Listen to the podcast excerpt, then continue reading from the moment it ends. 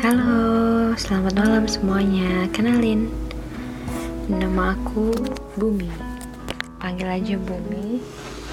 Aku bakal bacain kalian sebuah buku. Jadi rekaman ini akan jadi audiobook untuk kalian semua nikmati dan dengarkan kapan pun di mana pun sambil ngapain hari ini aku bakal bacain kalian buku The Seven Habits of Highly Effective People. Atau bahasa Indonesianya 7 kebiasaan manusia yang sangat efektif. Karya dari Stephen R. Covey. Jadi ini buku tentang leadership gitu ya teman-teman. Nah buku ini tuh pertama kali diterbitin tahun 1993 uh, namun saat buku ini diterbitkan dalam versi bahasa Indonesia itu di tahun 1997 dan pada waktu itu sudah diterbitkan ke dalam 40 bahasa. Dan ini merupakan salah satu buku terlaris di dunia. Jadi ini bakal sangat-sangat bermanfaat ya. Mudah-mudahan kalau didengar sama teman-teman semua langsung aja ya kita bacain jadi buku ini tuh emang terdiri dari beberapa bagian ada tentang bagian 1, 2, 3, 4 itu ada bagian 1 tentang paradigma dan prinsip bagian 2 kemenangan pribadi, bagian ketiga kemenangan publik, bagian keempat pembaruan. Apa aja isinya? Langsung aja kita bacain. Oke, kita masuk ke bagian satu ya, paradigma dan prinsip. Dari dalam keluar. Tidak ada keunggulan sejati di dunia ini yang dapat dipisahkan dari kehidupan yang benar. Oleh David Starr Jordan. Dalam waktu lebih dari 25 tahun bekerja bersama banyak orang dengan latar belakang bisnis, universitas, perkawinan, serta keluarga, saya berhubungan dengan banyak individu yang telah mencapai tingkat keberhasilan luar biasa mencengangkan. Tetapi mendapatkan diri mereka bergulat dengan kelaparan batin, kebutuhan mendalam akan keselarasan pribadi dan efektivitas, serta hubungan yang sehat dan bertumbuh dengan orang lain. Saya menduga sebagian dari masalah yang mereka ceritakan mungkin tidak asing bagi Anda. Saya telah menetapkan dan mencapai karir saya dan memperoleh keberhasilan profesional yang luar biasa. Akan tetapi, hal ini akan mengorbankan kehidupan pribadi dan keluarga saya. Saya tidak lagi mengenal istri dan anak-anak saya. Bahkan tidak yakin apakah saya mengenal diri saya sendiri dan apa yang sebenarnya penting bagi saya. Saya harus bertanya kepada diri sendiri, apakah keberhasilan ini sepadan? Saya baru memulai diet, yang kelima kali tahun ini. Saya tahu saya kelebihan berat badan dan saya benar-benar ingin berubah. Saya membaca semua informasi baru, saya menetapkan tujuan, saya menyiapkan diri saya dengan sikap mental positif dan mengatakan kepada diri saya pasti dapat melakukannya. Tapi saya tidak melakukannya. Sudah beberapa minggu saya gagal. Agak Akhirnya, saya benar-benar tidak dapat memenuhi janji yang saya buat kepada diri saya sendiri. Saya telah mengikuti kursus tentang pelatihan manajemen yang efektif. Saya berharap banyak dari karyawan saya dan berusaha keras untuk bersikap ramah kepada mereka dan memperlakukan mereka dengan benar. Namun saya tidak merasakan loyalitas mereka sedikit pun. Saya rasa jika saya tidak masuk kerja ke kantor karena sakit, pasti mereka menghabiskan sebagian besar waktu mereka untuk mengobrol. Mengapa saya tidak dapat melatih mereka menjadi mandiri dan bertanggung jawab, dan atau memperoleh karyawan yang seperti itu? Putra saya yang masih remaja suka memberontak dan menggunakan obat bius. Apa pun yang saya coba lakukan, ia tidak mau mendengarkan. Apa yang dapat saya lakukan? Ada begitu banyak yang harus dikerjakan, dan tidak pernah cukup waktu. Saya merasa tertekan dan diburu-buru sepanjang hari, setiap hari, tujuh hari seminggu. Saya telah mengikuti seminar-seminar manajemen, manajemen waktu dan saya telah mencoba setengah halusin dari sistem perencanaan yang berlainan. Memang saya sedikit terbantu, tapi saya masih tidak merasa ingin menjalani kehidupan yang bahagia, produktif dan damai seperti yang saya inginkan. Saya ingin mengajar anak-anak saya untuk menghargai pekerjaan. Namun untuk membuat mereka mau mengerjakan apa pun, saya harus mengawasi setiap langkah dan tahan mendengarkan keluhan pada setiap langkah tersebut. Jauh lebih mudah ketika saya mengerjakannya sendiri. Mengapa anak-anak tidak dapat melakukan pekerjaan mereka dengan gembira tanpa perlu diingatkan? Saya sangat sibuk, benar-benar sibuk. Akan tetapi, kadang saya bertanya-tanya apakah yang saya kerjakan sekarang akan membuat perbedaan yang menentukan dalam jangka panjang, saya benar-benar ingin merasa punya makna dalam kehidupan saya, bahwa entah bagaimana segalanya akan berbeda karena saya ada di sini. Saya melihat teman atau kerabat saya memperoleh sejumlah keberhasilan atau menerima sejumlah pengakuan, dan saya tersenyum dan mengucapkan selamat kepada mereka dengan antusias. Namun dalam di dalam saya, namun di dalam saya makan hati. Mengapa saya merasa seperti ini? Saya memiliki kepribadian yang suka memaksa. Saya tahu dalam interaksi apa pun saya dapat mengendalikan hasilnya. Biasanya saya bahkan dapat melakukannya dengan mempengaruhi orang lain untuk menghasilkan solusi seperti yang saya kehendaki. Saya memikirkan setiap situasi sehingga tuntas dan benar-benar merasa gagasan yang saya hasilkan biasanya adalah yang terbaik untuk semua orang. Akan tetapi saya merasa gelisah. Saya selalu bertanya dalam hati, apa yang orang lain sebenarnya pikirkan tentang diri saya dan gagasan-gagasan saya. Perkawinan saya berjalan datar. Kami tidak bertengkar atau apa pun semacamnya kami hanya tidak lagi saling mencinta. Kami sudah mengikuti konseling, kami sudah mencoba beberapa hal, tetapi rasanya kami benar-benar tidak dapat menimbulkan kembali perasaan yang dulu kami miliki. Ini adalah masalah yang dalam dan menyakitkan, masalah-masalah yang tidak dapat dipecahkan hanya dengan pendekatan perbaikan segera. Beberapa tahun yang lalu, saya dan istri saya Sandra bergulat dengan jenis kekhawatiran seperti ini. Salah seorang putra kami mengalami masa yang sulit di sekolah. Prestasi akademisnya buruk sekali. Ia bahkan tidak tahu bagaimana menjalankan perintah dalam ujian, apalagi mengerjakannya dengan baik. Secara sosial, ia belum matang, sering membuat malu orang-orang yang ada di dekatnya dalam hal olahraga, ia kecil, kurus, dan tidak terkoordinasi. Misalnya mengayut alat pemukul baseball, bahkan sebelum bolanya dilempar. Teman-teman yang lain menertawakannya. Saya dan Sandra ingin sekali membantunya. Jika kami merasa bahwa keberhasilan memang penting dalam hidup, maka hal ini pun penting bagi peranan kami sebagai orang tua. Kami pun berusaha memperbaiki sikap dan perilaku kami terhadapnya, dan kami berusaha memperbaiki sikap dan juga perilakunya. Kami berusaha memompa semangatnya dengan menggunakan teknik-teknik sikap mental positif. Ayo nak, kamu pasti bisa melakukannya. Kami tahu kau bisa. Naikkan sedikit tanganmu pada alat pemukul itu dan matamu tetap memandang ke arah bola. Jangan memukul sebelum bolanya dekat dan jika ia melakukan dengan sedikit lebih baik, kami akan mendorongnya. Bagus nak, pertahankan terus.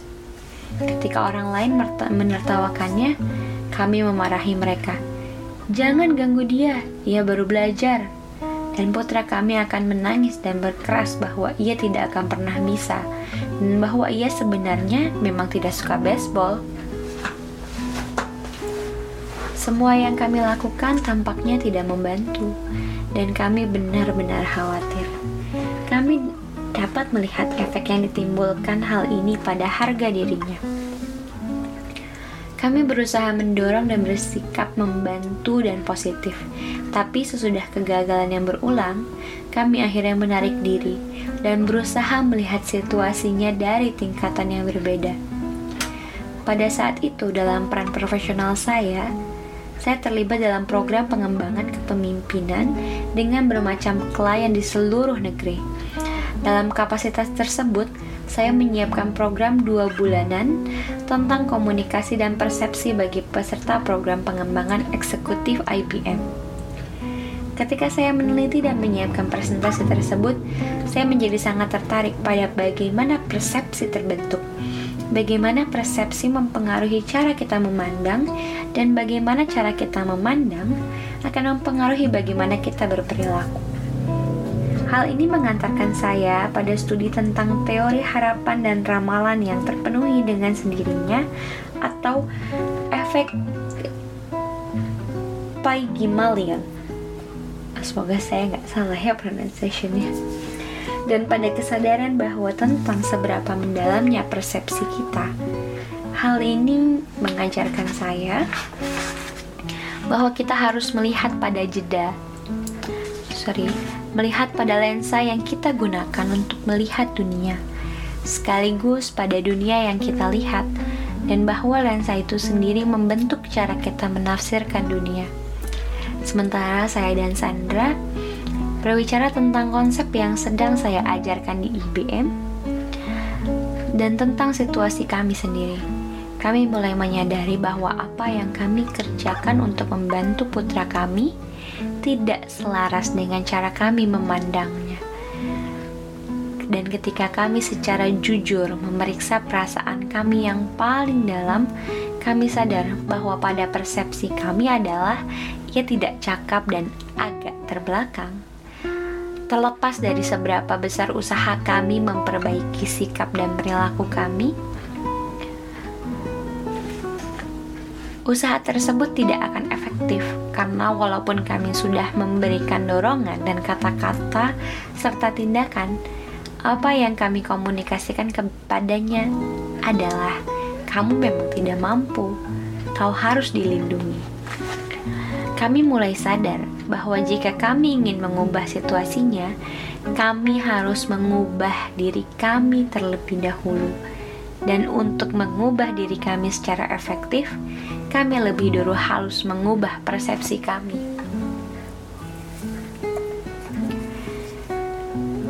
Etika kepribadian dan etika karakter. Oke. Okay. Pada saat yang sama, selain penelitian saya tentang persepsi, saya juga asyik dalam studi mendalam mengenai literatur tentang keberhasilan yang diterbitkan di Amerika Serikat sejak tahun 1776. Saya membaca atau melihat sekilas beratus buku, artikel, esai dalam bidang peningkatan diri, psikologi populer, dan di ujung jari saya terdapat intisari dari apa yang dianggap oleh suatu masyarakat yang bebas dan demokratis sebagai kunci dari kehidupan yang berhasil. Sementara studi tersebut membawa saya kembali melewati tulisan 200 tahun mengenai keberhasilan. Saya melihat sebuah pola yang mengejutkan yang muncul pada literatur-literatur tersebut. Karena masalah yang kita alami sendiri, dan karena masalah serupa yang saya lihat di dalam kehidupan dan berhubungan banyak dan hubungan banyak orang yang bekerja sama selama bertahun-tahun. Saya mulai semakin merasa bahwa banyak dari literatur tentang keberhasilan selama 50 tahun terakhir ternyata dangkal Literatur tersebut diisi dengan kesadaran akan citra sosial, teknik perbaikan segera dengan plester sosial dan aspirin yang mengobati masalah akut dan bahkan kadang tampak menyembuhkan hanya untuk sementara waktu. Tetapi meninggalkan masalah kronis yang mendasar tak tersentuh dan akhirnya membusuk dan muncul kembali ke permukaan berkali-kali. Sebaliknya, hampir semua literatur dalam 150 tahun pertama berfokus pada apa yang disebut dengan etika karakter atau karakter etik. Sebagai dasar dari keberhasilan, hal-hal seperti integritas, kerendahan hati, kesetiaan, pembatasan diri, keberanian, keadilan, kesabaran, kerajinan, kesederhanaan, kesopanan, dan hukum utama. Berbuatlah baik kepada orang lain seperti apa yang kamu kehendaki mereka perbuat kepadamu. Autografi Benjamin Franklin mewakili literatur itu. Ini pada dasarnya adalah kisah tentang usaha satu orang untuk mengintegrasikan prinsip-prinsip dan kebiasaan-kebiasaan tertentu yang tertanam jauh dalam dirinya. Etika karakter mengajarkan bahwa terdapat prinsip-prinsip dasar kehidupan yang efektif dan bahwa orang hanya dapat mengalami keberhasilan yang sejati dan kebahagiaan yang abadi jika mereka belajar dan mengintegrasikan prinsip-prinsip tersebut ke dalam karakter dasar mereka.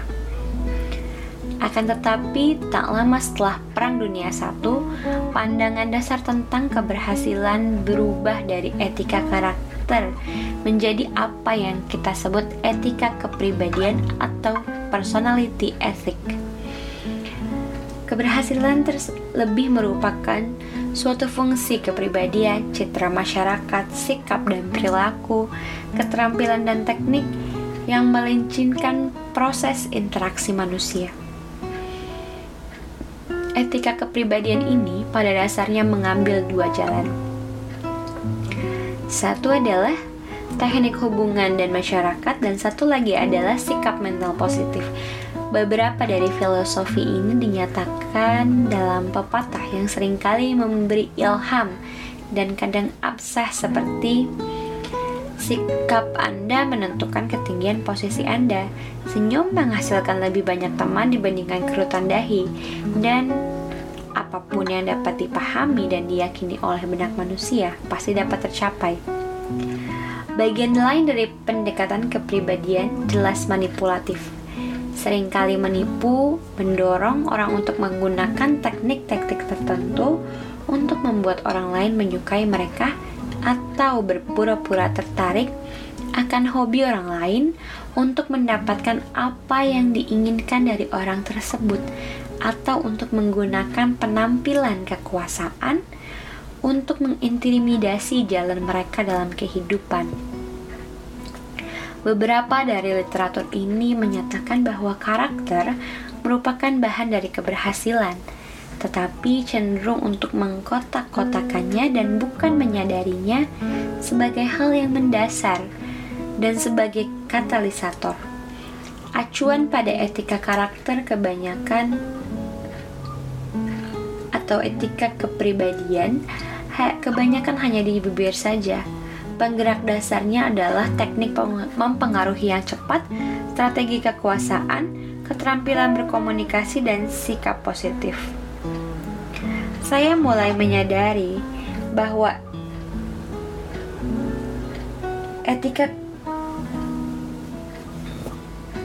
karakter inilah yang menjadi sumber bahwa sadar pemecahan saya yang saya dan Sandra usahakan bagi putra kami.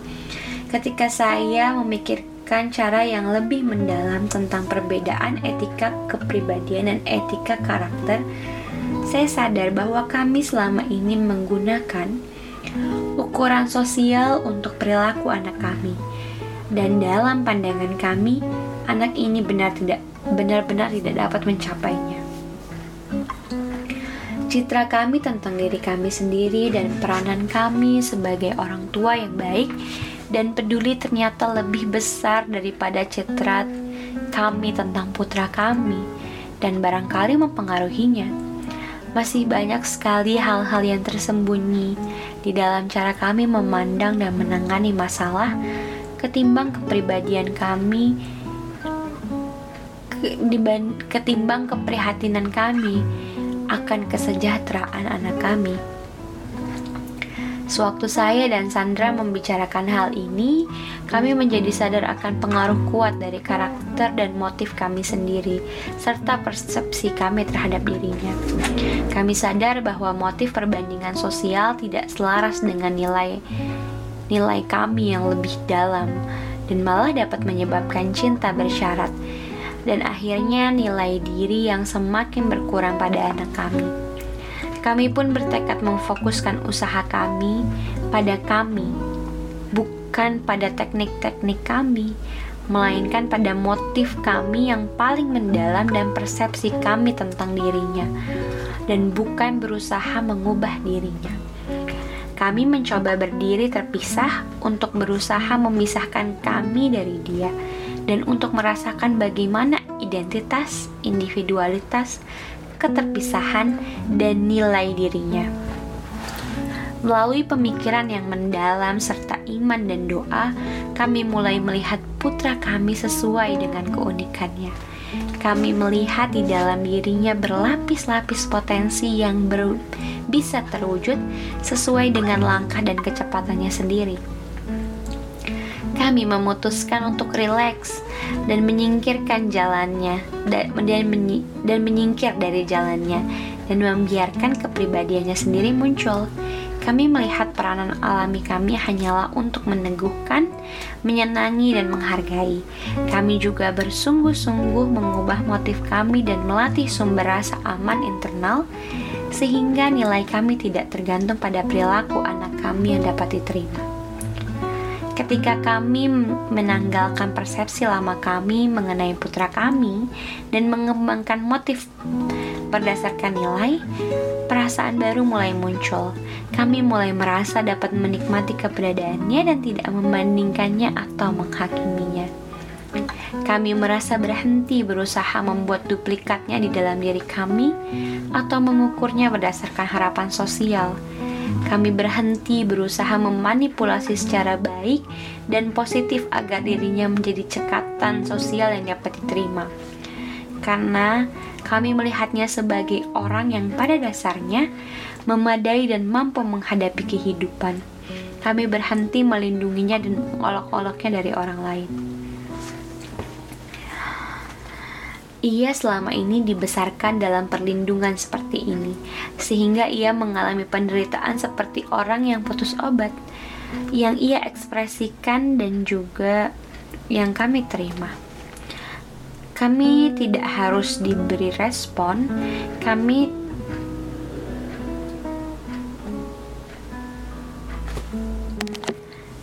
kami tidak perlu melindungimu adalah pesan yang tak diucapkan. Engkau pada dasarnya baik-baik saja. Sewaktu minggu-minggu dan bulan-bulan berlalu, ia mulai memperoleh kepercayaan dirinya dan bisa menguatkan dirinya. Ia mulai berkembang dengan langkah dan kecepatannya sendiri. Ia bisa menonjol bila diukur berdasarkan kriteria standar sosial secara akademis, sosial, dan atletis dengan kecepatan yang luar biasa, jauh di luar dari apa yang disebut proses perkembangan alami. Beberapa tahun berlalu, ia kemudian dipilih untuk beberapa jabatan kepemimpinan dalam badan mahasiswa, berkembang menjadi atlet nasional dan mulai membawa pulang buku rapot dengan nilai A semua. Ia mengembangkan kepribadian yang memikat dan wajar yang memungkinkan bergaul dengan segala macam orang tanpa cara-cara mengancam.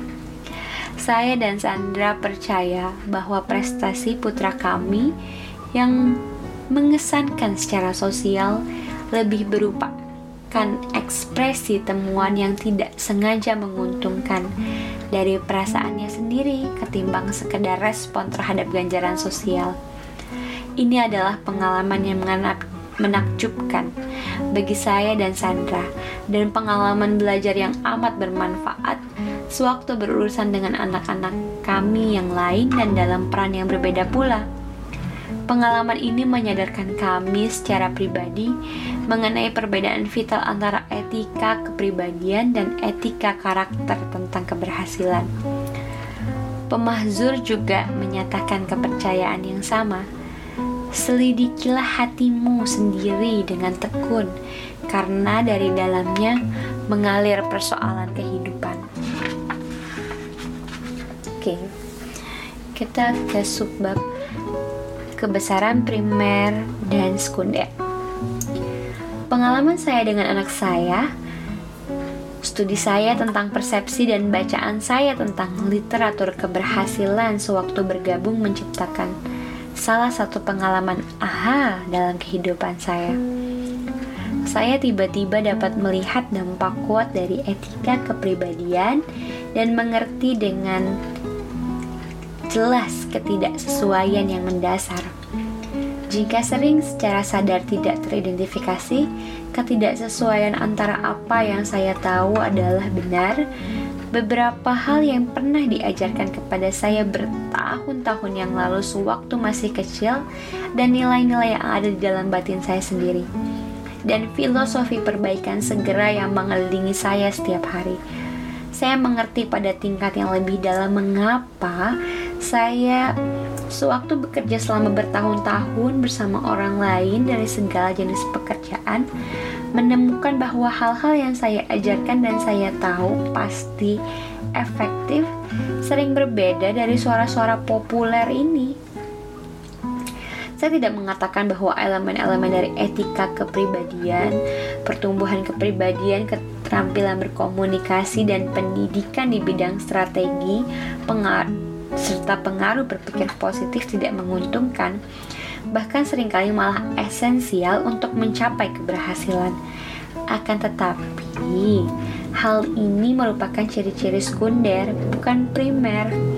Barangkali dalam memanfaatkan kemampuan kemanusiaan kita untuk membangun dasar generasi sebelum kita, kita dengan kurang hati-hati telah memfokuskan diri pada tata bangunan kita sendiri dan melupakan fondasi-fondasi yang menopangnya agar tetap berdiri atau karena begitu lama menuai tanpa pernah menabur.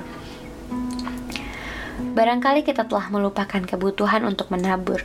Seandainya saya berusaha menggunakan strategi dan taktik pengaruh untuk membuat orang lain mengerjakan apa yang saya kehendaki, atau mau bekerja dengan lebih baik, atau lebih termotivasi untuk menyukai saya dan saling menyukai. Sementara karakter saya pada dasarnya cacat, ditandai dengan sikap bermuka dua dan ketidaktulisan hati, maka pada akhirnya saya tidak akan berhasil. Sikap saya yang bermuka dua akan melahirkan ketidakpercayaan dan semua yang saya lakukan bahkan dengan menggunakan teknik-teknik hubungan manusia yang terbaik akan dipandang manipulatif benar-benar tidak ada artinya. Betapapun hebat kepandaian kita berbicara atau bahkan betapa baik tujuan, jika hanya ada sedikit atau tidak ada kepercayaan sama sekali, maka tidak ada dasar untuk keberhasilan yang permanen. Hanya kebaikan yang mendasar dapat memberi hidup pada suatu teknik. Memfokuskan diri pada teknik yang sama juga akan terpaksa belajar sebanyak mungkin secara tergesa-gesa dalam waktu singkat menjelang ujian. Mungkin saja Anda lulus, barangkali bahkan dengan nilai yang bagus.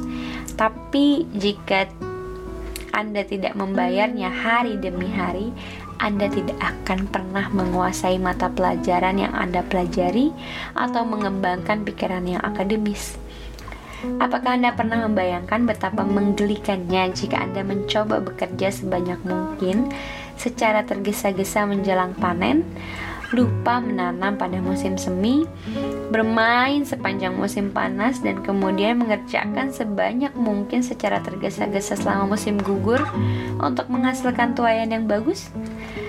Pertanian merupakan sistem yang bekerja berdasarkan hukum alam. Harga harus dibayar dan proses harus diikuti. Anda selalu menuai apa yang Anda tabur, tidak ada jalan pintas.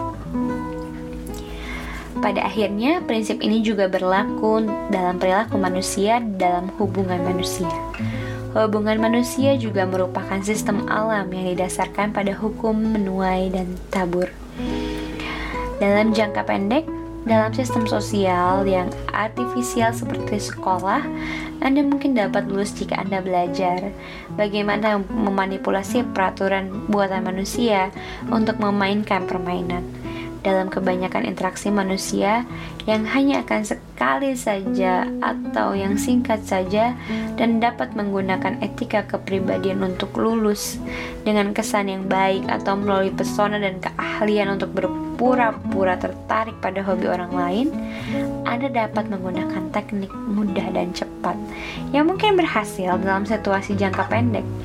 Akan tetapi, ciri sekunder tidak saja mempunyai manfaat permanen dalam kehidupan di dalam hubungan jangka panjang. Akhirnya jika Anda jika tidak ada integritas yang mendalam dan kekuatan karakter yang mendasar, tantangan hidup akan malah menyebabkan motif-motif yang sebenarnya muncul ke permukaan dan kegagalan hubungan antar pribadi akan menggantikan keberhasilan jangka pendek tersebut. Banyak orang dengan kebesaran sekunder, yaitu pengakuan sosial akan bakat mereka, tidak memiliki kebesaran atau kebaikan primer dalam karakter mereka, cepat atau lambat akan melihat hal dalam hal ini dalam setiap hubungan jangka panjang, entah hubungan dengan rekan bisnis, pasangan hidup, teman, atau anak remaja yang tengah mengalami krisis identitas. Karakterlah yang berkomunikasi paling fasih sebagaimana yang pernah dinyatakan oleh Emerson. Siapa diri Anda sebenarnya? Terdengar begitu keras di telinga saya sehingga tidak dapat mendengarkan apa yang Anda ucapkan. Tentu ada situasi di mana yang memiliki kekuatan karakter tetapi tidak mempunyai keahlian berkomunikasi dan hal itu jelas mempengaruhi kualitas hubungan, akan tetapi efeknya lebih sekunder. Pada hakikatnya, siapa kita apa adanya berkomunikasi jauh lebih fasih dibandingkan apa pun yang kita katakan atau kerjakan. Kita semua mengetahui ada orang yang kita percayai sepenuhnya karena kita mengetahui karakter mereka. Entah mereka fasih atau tidak, entah mereka memiliki teknik hubungan manusia atau tidak, kita percaya kepada mereka. Dan kita bekerja dengan berhasil bersama mereka. Dalam kata-kata William George Jordan, ke dalam tangan setiap individu diberikan kekuatan yang mengagumkan untuk berbuat baik atau jahat.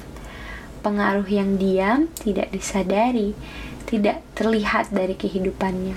Ini benar-benar merupakan pancaran konstan dari siapa orang itu sebenarnya, bukan sosok pura-pura yang ia perankan.